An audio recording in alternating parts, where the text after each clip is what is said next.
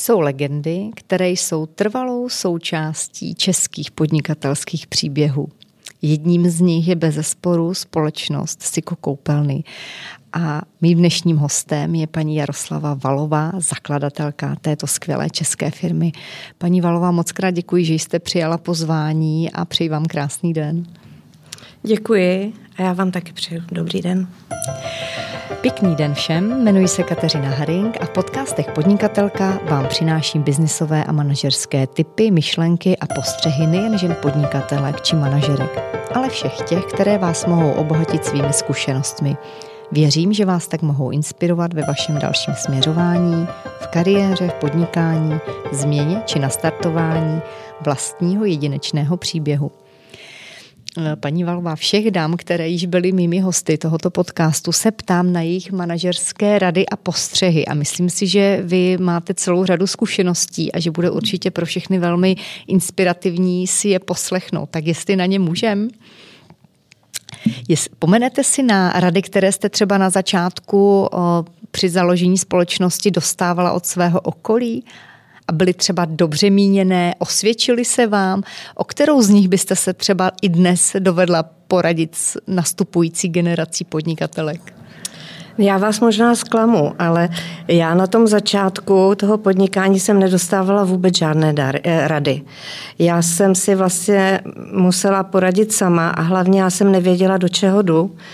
A pak už to všechno se tak na, narychlo nastartovalo, že na e, rady moc času nebylo a bylo to takový poraď si sám. A pokud teda nějaké rady, na které jsem si spíš vzpomínala, tak to byly rady, e, které jsem načerpala hnedka jako malá holka od svých rodičů. A jsem za to vděčná. A to byly které? Tak například to, když jsem s tatínkem něco dělala, tak jako jeho hrozně iritovalo, kdyby vedle něj někdo stál a nesledoval, co opravdu dělá. A on třeba, dejme tomu, něco stavěl, já jsem mu pomáhala podávat jenom cihly a on říkal, no ty už musíš vědět, kterou potřebuju, protože ty musíš být v tom procesu a musíš vědět, na kterou se dívám a kterou mi máš podat. A to je ale strašně důležitý tohleto. Pro život, pro takovou tu empatii i pro řízení lidí. Hmm, taková sestřička na operačním sále, jak vás tak poslouchá. Možná. Umí doradnout ten další krok. Eh, jaké tři rady byste dala ženě, která se rozhodne eh, v dnešní době podnikat? Jsou stálice, které se osvědčují, myslím, v těch radách? No tak jestli můžu teda, jestli mám právo vůbec radit, tak eh, vím, že je důležité dát do toho úplně všechno, eh, vědět od začátku, že to bude bolet a že to ale stejně stojí za to. Co vám nejvíc stálo třeba za to? No, myslím si, že eh, když se dostaví úspěch, a to právě je možné jedině, když člověk vydrží a když do toho dá všechno, tak je to opravdu dobrý eh, pocit jako z toho úspěchu. Po jak dlouhé době od začátku podnikání jste si vy uvědomila, že jste úspěšná? Trvalo mi to hodně dlouho, protože já jsem byla hodně pohlcená tím podnikáním a těma starostma a eh, často jako bych eh, byla radši, kdybych z toho mohla vystoupit a člověk jako viděl ten úspěch někde hodně daleko a pochyboval o něm ale když už potom uplynulo asi deset let toho podnikání a podařilo se nám vstoupit na pražský trh, tak eh, to bylo eh, prostě něco tak jiného, že to tu firmu nastartovalo do jiných dimenzí a tam jsem už někde eh, začala ten úspěch vidět. Řeknete, po kolika letech to bylo od toho založení? No, to bylo asi po deseti letech. Wow. Jsou podle vás důležité i nějaké konkrétní vlastnosti a dovednosti, které je fajn mít v té výbavě, když začínáme podnikat? Myslím si, že každý podnikatel by eh, měl vědět, že kromě různých manažerských rad eh, a vědomostí, že je důležité, nebo neméně důležité být vlastně psycholog. Eh, mít empatii a umět jednat s lidmi a vlastně tím svým příkladem je dokázat natchnout a pak je to daleko všechno jednodušší, protože máte kolem sebe hodně nadšených eh, spolupracovníků a hlavně takových, který tak jako vy jsou ochotní do toho dát všechno. Myslíte si, že třeba my ženy eh, děláme nějaké, já nechci říct ani zásadní chyby, ale mm, některé ty věci v tom podnikání jinak než muži, které jsou nám třeba na škodu a které bychom se mohli odnaučit? Eh, myslím si, že žena to opravdu má o něco těžší, protože od přírody je trochu jinak vybavená, je daleko víc emocionální. Eh, kolikrát, když přijdou těžké chvíle, tak má co dělat, aby ty své emoce udržela na řetězu a třeba tu svoji slabost nedávala najevo. Potom také, ale to je všeobecně známé, že ženy se často podceňují. Nejsme asi všechny takové, ale já jsem to sama taky pocitovala. A také jsme, jsme eh, podceňované často i od toho okolí. Myslím si, že často od toho mužského. A tak to okolí. už se teď mění, ne? Nemáte no pocit? tak já nevím, jak to teďko je mezi mladýma lidma, možná, že to tak je, ale já tak spozdálí, když některé věci pozoruju, tak si myslím, že muži mají při vší úctě teda k ním, protože oni jsou šikovní, eh, rychle jim to myslí, já nevím co všechno, ale eh, oni prostě mají většinou výš položené to ego. A to tam může hrát jako na jednu stranu dobrou hmm. roli, ale myslím si, že často nakonec to jim samotným stěžuje to, aby byli tím vzorem. Hmm, pak se dělá špatně ten krok, že jo, zpátky. Tak. Hmm, podělíte se s námi o nějakou svou podnikatelskou chybu, která potom třeba vás přiměla i dělat ty věci jinak a v důsledku vlastně bylo dobře, že jste ji udělala? Myslím si, že ta zkušenost byla hnedka brzo v těch prvních letech, že je fajn mít kolem sebe velice schopné lidi, ale že je třeba být taky na pozoru, protože vás můžou zklamat a e, může to být i nebezpečné. Takže důvěřuji, ale prověřuji. Přesně tak. Velmi populárním e, výrazem je v dnešní době work-life balance, takové to slaďování toho pracovního a osobního života. Měla jste na to někdy prostor to vůbec řešit? Nebo řešila jste to nějak? Nebo máte na to recept? Ne, já už to znám až teďko, tenhle ten výraz, eh, protože jako dneska eh, se s tím výrazem a vůbec s tím letím životním stylem hodně operuje, ale my, když jsme začínali, tak to bylo úplně o něčem jiném a bylo to o tom maximálním nasazení a zaujetí pro věc a všechno ostatní šlo stranou. Volný čas vůbec žádný. Bohužel i rodina často trpěla a to nebylo jenom u nás, jako u podnikatelů, ale byly to e, neopekovatelné roky, 90. léta, kdy takhle s takovým nasazením šli s náma do toho i ty spoluzaměstnanci. Kolik hodin denně jste tehdy tak pracovala? Já to ani nechci říct, jo, protože Řekněte. mě to nebudou věřit, ale já jsem kolikrát si šla na chvíli večer lehnout a ve dvě hodiny v noci už jsem vstávala a na, na psacím stroji jsem psala faktury a jela pro zboží. Už v 6 hodin zase jsem musela být ve fabrice. Takže toho spánku bylo moc málo a e, občas se divím, co všechno jako lidské tělo vydrží. Myslíte, že to bylo tím, že vám ta odpovědnost nedala jakoby ten spánek, který, že prostě člověku to nedá, že ví, že musí, tak vlastně radši vstanete a, a makáte? Myslím si, že to tak je, ale hlavně my jsme do toho dali vlastně veškeré rodinné úspory, zastavili jsme náš dům, domy našich příbuzných a e, my jsme věděli, že kdyby jsme do toho nedali všechno a nepodařilo se to, takže vlastně Bůh ví, jak bychom dopadli my, i ty naši nejbližší. Takže to byl asi ten hlavní motor. Když srovnáte dobu před 30 lety, vy jste začala podnikat vlastně záhy po sametové revoluci, ta doba se vyvíjela, dnes je také jiná. Eh, co je podle vás dnes v tom podnikání přece jenom trošičku jiné, když pomeneme třeba nějaké příležitosti nebo celkovou tu situaci? No, nevím, jestli to eh, dokážu posoudit, eh, v čem je to dnes jiné, protože je tomu už šest let, co jsem to kormidlo ve firmě předala svému synovi a sleduju to tak nějak zpovzdálí a pokud jsem požádána o radu, tak jsem připravena tu radu dát a je na nich, jestli se tou radou budou řídit nebo ne. Ale to podnikání v těch 90. letech to je neopakovatelné a my jsme vlastně měli ohromnou příležitost, která dnes asi už není. Tehdy se rozpadal trh a kdo právě byl ochotný tomu věnovat eh, vlastně všechno, tak eh, tou pílí dokázal možná třeba i s malýma financema na začátku dokázat velké věci. A to nevím, jestli je úplně dneska. Dneska to musí být o super nápadu a o tom, že myslím si, že často je to dneska i o tom, že e, jako možná, že si řada lidí myslí, že má ten super nápad a nemusí to dobře dopadnout, ale obdivuju se těm mladým lidem, e, těm úspěšným, že ten super nápad měli a dovedli ho zhodnotit. Myslíte, že dnes už je, i kdyby to chtěl člověk vydřít, že už to nejde tak jako, tak jako tehdy?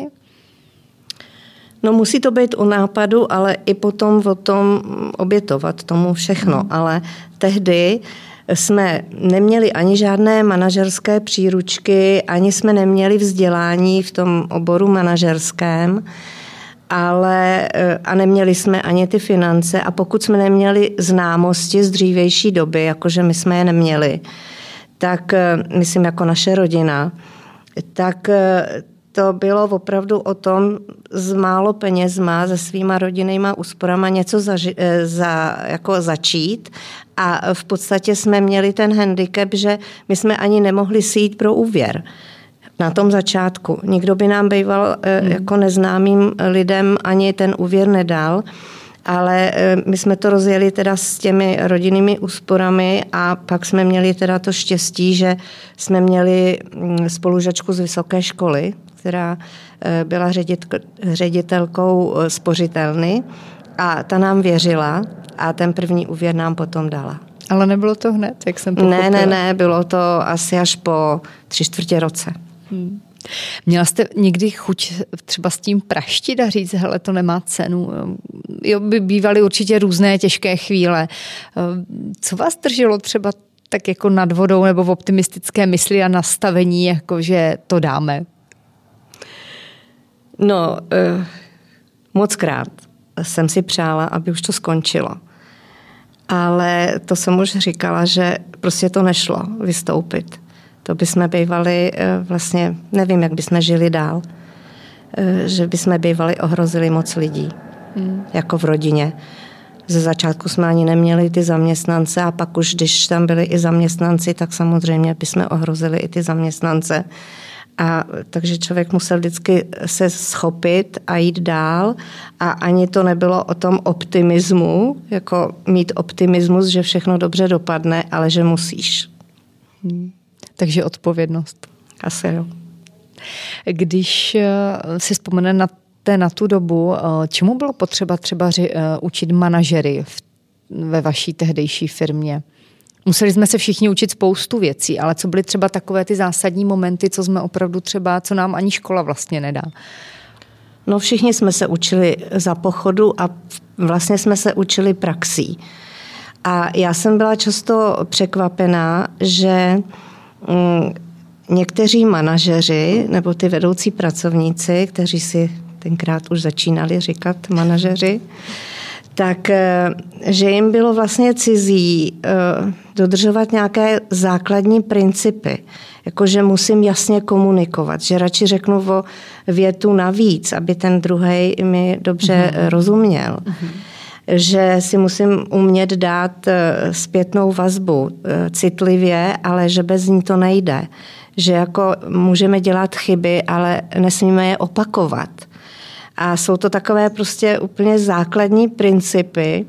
A byla jsem docela překvapená, že eh, to těm lidem kolem mě nebylo úplně jako dané a nechci říct jakoby od přírody, ale pravděpodobně si to nepřinesli ani z rodiny a e, ze školy. A já jsem měla opravdu to velké štěstí, že já jsem si toho z té rodiny mohla přinést hodně. Vy jste v jednom rozhovoru řekla, že vaším heslem, pokud to tak mohu nazvat, je mysli na druhého v řadě. Co přesně to znamená u vás v praxi ve společnosti SIKO?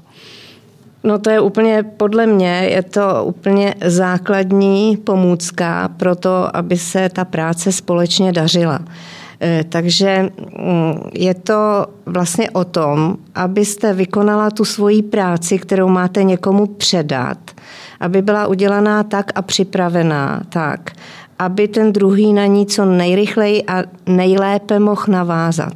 A jsou to naprosto jednoduché principy. Nemusí to být ale ani o e, nějaké složité komunikaci, ale jsou to třeba i takové věci, jako je skládat krabici do regálu.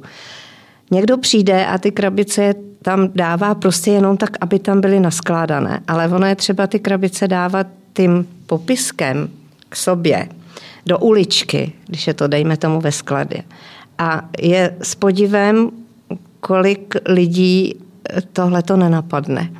A já eh, kolikrát, nebo když, eh, když třeba dojde mi eh, v tiskárně papír a já už si nepotřebuju nic tisknout, ale ten papír tam dám, protože po mně přijde někdo, kdo rychle jako na to může navázat. Jsou to naprosto jednoduché principy. A já, když takhle někde jsem hovořila na nějakých setkáních s podnikateli a právě jsem jim vysvětlovala, jak jednoduché je to pravidlo, a co vlastně si pod tím představuju, tak potom mě třeba někteří ty lidi eh, znova potkali a říkali, eh, já bych vás políbil, nebo já bych mm-hmm. vás obejmul. To pravidlo, to pravidlo je úžasné a já to začal, nebo já jsem to začala uh, praktikovat i v rodině, nejen v práci. A opravdu to funguje.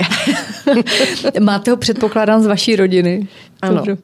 Takže to vás naučili rodiče? Vlastně to právě, jak jsem říkala třeba mm. o tom tatínkovi, mm. že jsem musela být ve obraze, když jsem s ním něco dělala, tak to bylo vlastně taky. Jo? Mhm. Mít prostě oči otevřený a e, myslet na toho druhého, e, když s ním něco dělám, nebo e, ten, co bude pracovat po mně.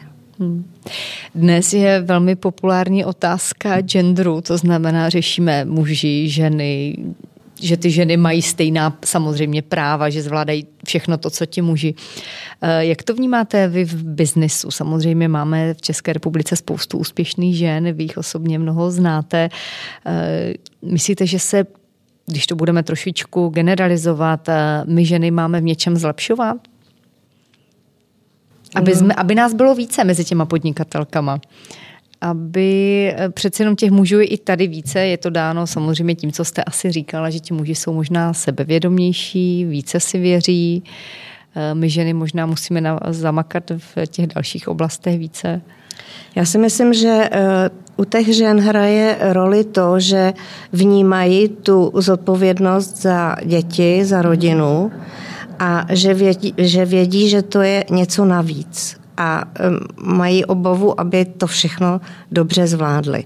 E, záleží potom na tom, a myslím si, že dneska už se to mění, aby ten partnerský e, vztah byl vyvážený a tam, že to asi mm, je nejdůležitější, aby si e, ty dva v té rodině mohli pomáhat. Teď nemluvím samozřejmě o mladých ženách, které se do toho můžou vrhnout, nemají třeba ještě žádné závazky, tak tam si myslím, že je absolutně jedno, jestli je to muž nebo žena ale jakmile už eh, jsou v té rodině děti, tak to ty ženy mají určitě složitější. Já jsem měla výhodu v tom, že vlastně jsme začali podnikat, když mě bylo už 44 let a měla jsem tři děti a všechny tři už byly na Prahu dospělosti.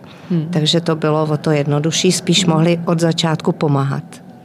Velmi populární je třeba názor, že právě díky tomu multitaskingu, kdy vlastně žena potřebuje zvládat více věcí najednou, eh, jsou ty ženy v tomhle, mají v určitých oborech i výjimky. Myslíte si to? Osvědčilo se vám to třeba u vás ve firmě, že ty ženy dovedly tím, že rozptýlili tu pozornost na, na, na několik směrů, takže byli třeba v něčem výkonnější. Naopak vím, že u těch mužů to tak nefunguje. Oni opravdu ty dvě věci najednou nedělají, což vlastně ten fokus potom je taky někde jinde a možná to mají rychleji. Jaká je vaše zkušenost? No, myslím si, že eh, to je pravda, že ty ženy zvládají víc úkolů najednou. A taky jsem měla takový pocit, jako za tu dobu toho podnikání, když jsem mm, u stejné nebo podobné eh, práce eh, měla muže a měla ženu, tak já nevím proč, ale já jsem měla takový pocit, že na ní se mohu víc spolehnout a dokonce, ač je to teda takové možná špatné vůči ženám, ale že na ně můžu naložit víc té práce. A že oni si to nechají ale líbit. A mm-hmm. oni jsou u toho, myslím, i docela spokojené a když je to baví, tak jako o něčem jiným nepřemýšlí, jestli možná ani o tom, jestli jsou e, tak eh, jakoby oceňované, pochválené, to si myslím, že jako u těch mužů jako hraje větší roli než u těch žen. Mně se teda se ženama pracovalo úžasně. V čem jsou ještě... Ale s mužema taky, aby to teda eh, Ale napravila. bavíme se o tom, v čem ty ženy vy vidíte, ano, že, ano. že mají trošičku možná navrh nebo mají tu výhodu, hmm. o, v, takže to mě zajímá. Eh, vy jste, myslím, v jednom rozhovoru i řekla, že eh, žena je úplně ideální pro zvládání krizové situace. To si Proč? taky myslím, protože ono i v tom rodinném životě e, musí to předvést často, nemyslím si, že jenom ta žena, určitě i ten muž, ale eh, ta žena tam prostě si myslím, že se do té krizové situace dostává daleko častěji. Ale možná, že kdyby tady seděl muž, takže by mě to vyvrátil, že to není pravda. Zajímá mě ta vaše zkušenost právě. Hmm. E, moje zkušenost je taková, že určitě, hmm. protože já jsem to poznala hnedka na začátku toho našeho podnikání. My jsme do toho šli celá rodina, já, manžel i děti, jako úplně naplno. No a manžel po zhruba pěti letech přišel, že už takhle žít dál nemůže a že prostě od toho musí odejít. No a my jsme to teda vydržet museli. Bylo to těžké, ale ustáli jsme to. Takže to mám z vlastní zkušenosti. Bylo to svobodné rozhodnutí? Myslíte? Uh... No, jako řešíte, jestli uh, že zachovat, řekněme, tu rodinu, anebo prostě pokračovat v té firmě. Bylo to těžké asi rozhodnout. No, bylo to těžké. Eh, hlavně jako psychicky jsem měla obavy, jestli to vlastně ustojím s těma třema dětma, protože jsme vlastně eh, zrovna čerstvě postavili mm, firmu vlastně na Zelené louce, zadlužili jsme se tehdy, tehdy velkým úvěrem 22 milionů a eh, teď nám vlastně odešla výkonná pracovní síla, mm-hmm. na kterou bylo možné hodně naložit a takže eh, z toho jsem měla strach, jestli to ustojíme. Ale na druhou stranu musím říct, že nás to hrozně moc stmelilo, že ty děti byly jako mi ohromnou oporou a vlastně i celá široká rodina. Eh, takže, jak se říká, něco zlý pro něco dobrýho. Jak jste si ty kompetence potom podělili? To přece není snadné, když vám ten klíčový člověk že jo, odejde. No já mám takový pocit, asi se to potom i e, ukázalo, že e, manžel měl e, dobré nápady, e, hrozně byl chytrý, pracovitý, ale ta hlavní zodpovědnost a organizátorská práce v té firmě od začátku byla vlastně na mě. No a takže e, vlastně ani se nedá říct, že jak to vypadá, když se potom mění ten lídr. Tam u nás to asi bylo tak, že já jsem takovým tím přirozeným lídrem skrytě stejně byla. A potom se to projevilo plně. No. A děti jako e, kolikrát říkali, no, nebo polemizovali, co by se mělo nebo nemělo udělat a já jsem na to měla třeba jiný názor a ono se to časem jako ukázalo, že takový ten e, umírněný, možná i někdy trochu skeptický názor, že je bezpečnější a oni často říkali, hm, uděláme to, jak to chce máma, ona má nakonec vždycky pravdu. Potvrdilo se to. Ale to jako eh, říkali jako upřímně, to nebylo tak, jako že ona musí mít prostě tu svoji pravdu. Tak to nebylo. Oni tomu prostě věřili, že mm, ta moje intuice eh, asi je správná, že funguje. Dávala jste na ní hodně? Na intuici? Moc, moc. Jako na takové ty kroky rozumové a intuitivní, na to já jsem dávala vlastně moc velký důraz a aniž bych to věděla, protože já jsem neměla čas eh, studovat manažerské knihy a poučky. Takže prostě to bylo všechno zkušenost a když člověk na něco narazil, dej si po druhý už pozor, to musíš dělat jinak a tak dále. Když ty děti za vámi přišly s nějakou myšlenkou nebo nápadem, eh, zamýšlela jste se nebo zabývala jste se jí třeba aspoň chvilku, nebo jste hned třeba věděla u některých těch věcí, že to nepůjde, tady cesta nevede? Ne, zabývala, určitě zabývala. Jako eh, zvažovala jsem eh, všechny pro a proti, nechala jsem si to i vysvětlit. A to není tak, že vždycky já bych měla tu pravdu, ale my jsme vlastně museli ten tu společnou řeč vždycky najít, protože jako nevím, možná v korporátu ji někde jako nenajdou a mm, asi to tam funguje jinak, ale e, my v té rodinné firmě e, jsme měli tu spolu zodpovědnost za ty výsledky ohromnou a prostě ten koncenzus jsme najít vždycky museli. Aby u toho byli všichni spokojeni, aby to fungovalo, ale... Vy jste měla vyzkoušeno a vlastně na základě intuice jste věděla už, jako, jaké ty kroky eh, předjímat. Došlo třeba pak někdy zpětně i na to, co ty děti říkali, třeba postupem času? No, tak jako nemůžu říct, že ne, ale abych pravdu řekla, tak nic fatálního, eh, že bych třeba eh, tu Já rodinu myslím... celou jakoby do něčeho tlačila a pak bych zpětně musela jako uznat, ne, to nebylo dobře, to jsme měli udělat třeba podle toho nebo podle toho, tak eh, to si nepamatuju úplně. Mám na mysli spíš nějakou myšlenku, kdy vy jste možná cítila, že teď na to ještě není ten správný čas, ale doba třeba uh, to pak vyvinula se jinak a vlastně jste říkají, jo, to byl vlastně fajn nápad a teď je na to ta doba. Takhle jsem to myslela. Já myslím, že ani tak to nebylo, protože když eh, přišli ti mladí, my jsme měli vlastně to štěstí, že jsme v tom našem týmu byli muži, ženy, mladí, staří, eh, jako takový pesimisti, optimisti a že když eh, jako tam bylo to nadšení a ta, to zdůvodnění toho, že by to fakt tak mělo být. Takže vlastně mm, to nebylo tak, že bychom do toho nešli. Šli jsme do toho automatizace, robotizace, digitalizace. Podle mnohých jediná šance, jak vlastně se dostat z té současné situace eh, v tak tradičním oboru, jako je ten váš. Co se tam z těchto slov může ujat a v kterých směrech? Tak asi těžko nějaká robotizace, protože my budeme pořád, eh, ať už přímo, anebo na dálku, hm, chtít mluvit eh, s našima zákazníkama a navazovat s nimi eh, takový vřelejší kontakt, protože to není jako prodávat každý den to samý.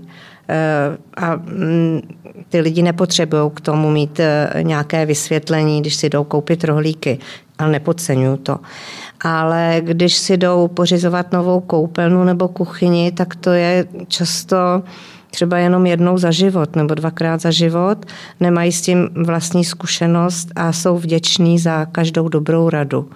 Takže eh, my budeme vždycky eh, potřebovat s tím zákazníkem mít ten, eh, tu vazbu osobní. Ale přesvědčili jsme se, té covidové době, že to šlo i na dálku, protože my jsme před asi šesti lety se rozhodli pro posílení celé digitalizace firmy. Dali jsme do toho desítky, ba možná stovky milionů korun. A pak, když přišel covid, tak my už jsme byli vlastně na začátku spuštění všech těch novinek a samozřejmě, že jsme je ne, neměli spouštět eh, najednou, ale něco už bylo jako v chodu. A pak najednou to, co jsme si ještě mysleli, že ještě musíme eh, víc zdokonalit a ještě něco jako vylepšit, tak potom najednou během dvou měsíců bylo všechno dotaženo tak, aby se to spustilo. Mhm. A to si myslím, že eh, byla taková mm, velká jakoby revoluce pro všechny ty lidi ve firmě a díky tomu, že jsme eh, byli připraveni, tak jsme tu dobu dobře zvládli. V podstatě jsme neměli ani pokles eh, odbytu, protože se mohlo prodávat velkoobchodně a řemeslníkům a eh, prodejny sice byly zavřené, ale my jsme dokázali všechno naplánovat a komunikovat s těma zákazníkama na dálku. Když se podíváte na to, co se vlastně na trhu se stavebním materiálem děje v současné době, nebo možná už několik měsíců, eh, jak jsou někdy složité mm, řekněme, podmínky pro to vůbec něco třeba dovést i ze zahraničí. Dovedete na základě svých zkušeností třeba predikovat, co nás čeká. Nemyslím úplně do detailu, ale jak, jak tuhle složitou situaci vnímáte vy.